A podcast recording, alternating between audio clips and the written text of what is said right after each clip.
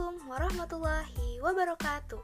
Halo guys, perkenalkan nama gue Mutiara Lasendo dari Prodi Kimia Institut Teknologi Sumatera.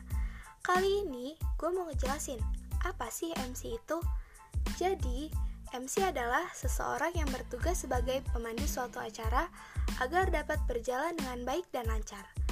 Oh iya guys, ternyata MC dan pembawa acara itu berbeda loh apa sih bedanya?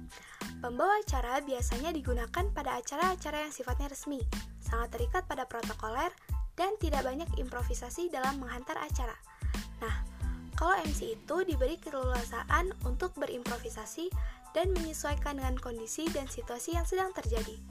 Sekian podcast dari gue, apabila ada kesalahan kata, gue mohon maaf. Assalamualaikum warahmatullahi wabarakatuh.